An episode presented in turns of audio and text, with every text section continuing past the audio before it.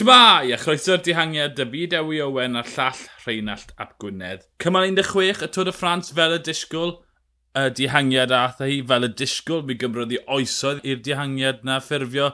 Ac fel yr arfer yn y Tôr y Ffrans leni, rhywun yn ymosod y dihangiad o bell, heddi Patrick Conrad y bora, a neb yn y dihangiad yn gallu gwneud unrhyw beth. Rheinald, Patrick Conrad yn mynd â hi, ond twyd, ni wedi gweld datblygiad tactegol hyn yn y Tôr y Ffrans, bod un ymosodi ar y bell, a mae'r ffefrynnau, y rai cryfa yn y dihangiad, ddim yn gallu gwneud unrhyw beth amdano fe.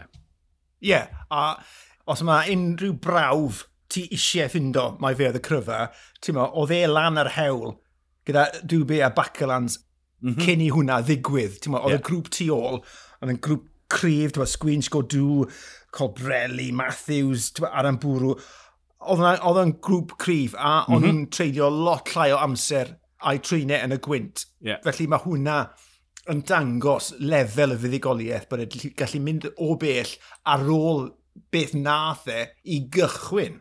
Ie, yeah, um, yeah, 70 km y fynd, twyd pontiodd y lan i'r dihangiad oedd ar y blaen, a wedyn y potod asbe mynd yn glir, ond, ie, yeah, Conrad yn un, wel, mae'n, dim journeyman, ond twyd, mae'n boi solid, cwpl yn y deg eich yn y giro. Dwi e byth di gadael ras. Na bydd allan nes i, mae wedi 450 stage mae wedi wneud yn ei yrfa proffesiynol. Dwi e byth di DNF. Blinkin, ac mae hwnna rhyfeddol. Ie. Yeah, um, twyd, falle wneud rhywun weithio fi fod yn cael wrong, ond dyna beth yn ni alltwriaeth i efe. Twyd, so, twyd, mae'n solid, gallu wneud y job i'r tîm, a gan bod Sagan di gadael nyr, yn rhyddhau y talent. Fel ni wedi gweld mewn tîm eill, fel yn Jumbo. Unwaith bod y pennaeth yn mynd, ti'n aml yn cael buddigoliaethau o'r Dom Steaks. Wel, beth wedes i ar Twitter ar ôl i Niels Pollitt ennill, tymod, dyna'r agwedd bositif sydd rhaid i uh, Bora Hansgro i, i ddangos gyda'r seren mewn crofachau wedi gadael. Lle unrhyw dîm sydd yn y tor fy'n adre'n hapus gyda dau gymal. Mm -hmm. Ti'n mae hwnna mae hwnna wedi wneud tor bora. Ti'n bod, cymryd gafel gadarn ar y ras a, a mynd amdani. A, a pff, ti'n gweud, cael ei rhyddhau maen nhw wedi wneud. Falle mm -hmm. tas y Sagan wedi aros yn y ras, falle bydde hyn ddim wedi digwydd. Ond diolch i'r drefn bod e wedi, achos mae wedi bod yn wledd i'r llyged, war y teg, y ddwy fuddigoliaeth, dim just heddi, ond un polit fyd, ti'n bod, codi i'r lefel uchach yn profi enillais i achos fi oedd y cryfa yn sicr. Uh, nôl yn y pelton, rhoi gyda'r ddringfa ola. Uh, Coffidus yn naddu di 15 yn glir, ond pawb o'r deg ucha yn effro, pawb o'r deg ucha yn y blaen, felly dim newid yn y, yn y deg ucha, dim newid yn y rasio o ystyried bod y deudydd yn alpe i ddod. Ie, yeah, oedd hwnna bach o syndod, ond ni'n uh, gwylio Rodri Gomer a Griff yn siarad mas yn y Ffrainc ar y sgrin chwyth, a nes i anwybyddu'r sgrin dde, ti'n bod, yr, yr, international feed am dro, a jyst edryches i draw, a nes i double take, a ni fe, beth iawn sy'n digwydd fyna? Mm -hmm. Ti'n bod, oedd y tri o'n i'n edrych hwnna, drwy trais i Robin, a mynd pwynt at sgrin, beth, beth, a? Ond y fe, no ham, no ffawl. Wawt bach yn bod, ddim digon caled fe heddi, felly eisiau cael gwared o bach o'r egni fe, felly cysgu dros nos, felly na, na beth oedd e. Ti'n bod? Um, Sef ymlaen i gymal 17 yn y Pyrenea, nid yn yr Alpe fel wedes i, uh, diwrnod cyntaf o bar sy'n mynd i benderfynu'r Tôr y Ffrans. 178 km, dwy dringfa categori 1, a wedyn mae'n bennu'r Col de Portet. 2,215 metr dros y môr, 16 km o hyd, 8.7 o raddiant. Um, ni'n mynd i gael, beth yw e, 60 km eitha diddorol mm -hmm.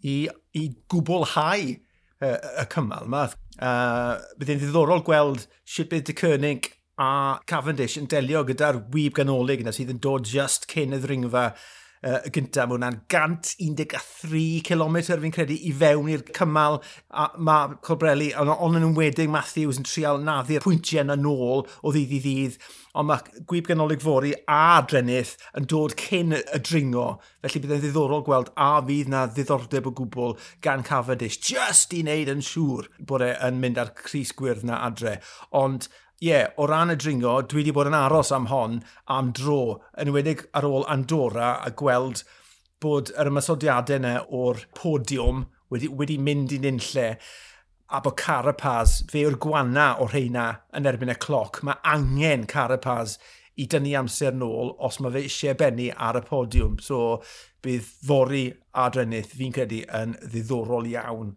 o ran dringo a pwy sy'n mynd i fynd am beth. Ie, yeah. heb mynd mewn rhyddof, mae yna ddoi gategori un yn y 60 km diwetha, wedyn um, dringfa tu ond i gategori. Os nhw moyn enll munud e y môr, mae'r rhain yn fynd o bell. Os nhw moyn gweld pwy yw'r cryfa a, a ceisio herio Pogaccia fyna neu twyd, yn fwy tebygo bod Fingago o ran a Celderman a Carapaz yn, yn ceisio mynd eiliadau newn o'r Col, Col de Portet. Tas y ti yn DS i'r tîmau blaenllaw, be bydde ti yn neud gyda prynawn fori? Well, mae Carapaz yn ysgyn wan, fel wedys di, felly mm. amddiffyn. Um, Tybe, ti'n methu curo Pogaccia. Mm -hmm. Does neb yn disgwyl gryfach na fe. Yr unig un sy'n disgwyl ar yr un lefel i fyngio go, mae podiwm yn gymaint i fe, bydde ti'n ti just yn amddiffyn. A ti'n rhoi wawt, ti'n rhoi wawt ar y blaen, neu rhywun i geisio gywar y celd Celdamon yn barhaol. Ond mae ma ras yn efn y cloc yn greit, felly tyd, fi'n credu bod Pogacar y cryfa, fyng y go'n ail, a nhw doi'r gorau yn efn y, yn erbyn y cloc, felly tyd, dim ond y trydydd rhys o'r, o'r podiwm, ti'r agor y gweud y gwir. A hefyd, mae cws wedi dod mas, nawr bod wedi ennill y cymal na, mae fe nawr wedi gweud, dwi nawr am weddill tor, dwi'n gefn i Fingago. So, yn dawel bach, mae'r holl tîm nawr yn dod o amgylch Fingago, yn gwybod bod chance gwych gyda fe i orffen ar y podiwm, a dyna fel sut ddylse fe fod, oedd e fe yma. Wawt wedi ennill cymal, cws wedi ennill cymal, ymgynnull rownd finga go, a fe wedys di, mae fe mor wych yn erbyn y cloc. Dyma'r chance ffantastig iddo fe ennill o leia ail, yna fe. Ti'n pwy fi'n credu allai Gymru ymlaen um, mewn ffordd dwl, Movistar. Mm -hmm. Oherwydd roedd mas yn hawlio, o, fi'n mynd i mosod, o'n i ar fi'n y mosod, nath fi'n gael go wneud y dyn dwrnod blaen. Felly, twyd, gallai weld Bofista yn ceisio profiau e, i geisio cael mo, e, Onric Mas gyda chydig bach o fwlch dros fy'n goch. Mae wedi gwblan bimed o'r blaen. Tyd, fe yw'r un allan wneud gwahaniaeth mowr yn ei statws e trwy camu mlaen i'r podiwm. Mae wedi colli cwbl o funudau. E, Mae'r tirwedd yma yn fori adronaeth yn siwto fe, a fi'n cofio gweld e bore yma ar ôl y neutral na o 2000 fetre lawr i'r gwylod, pan maen nhw'n cael gwared o'i dillad geia nhw weles i shot ohono fe'n siarad â rhywun, a dde yn chwerthin, mae'n amlwg mewn mood da. Felly, bydde fe ddim yn syni fi. Mae'n mae weld a'i agwedd e, e yn y man cywir. Uh, a dwi'n gobeithio, dwi'n gobeithio neiff e rhywbeth. Achos er bod tactegau mofi start, mae pobl wedi mae fe bron fel joc, dim bron fel, mae fe yn mm. joke, ti'n bod, tax hegau mofi stel, bydde jyst yn neis gweld ma, mas yn cyflawni rhywbeth yn y ras yma, so, a bydde'n gret i ni, anyway, ond bydde fe, bydde fe'n gret i'r llyged i weld rhywun yn mynd amdani. Bydde, ie, yeah, bydde'n gret gweld rhywun yn mynd amdani, bydde hefyd yn, yn gret gweld Pogacar yn, yn claddu'r ras fel bod dim... Tw, ni wedi cyrraedd doi dwrnod diwedd, rhoi stamp yno fe, na, come on boys, newch chi llinell tu ôl i fi, fi yw'r cryfa, ie, ni wedi cael yr ateb na, a wedyn allan nhw ymladd am y podiwm wedyn, ymysgu gilydd, achos fi'n credu bod y ras na'n ddiddorol.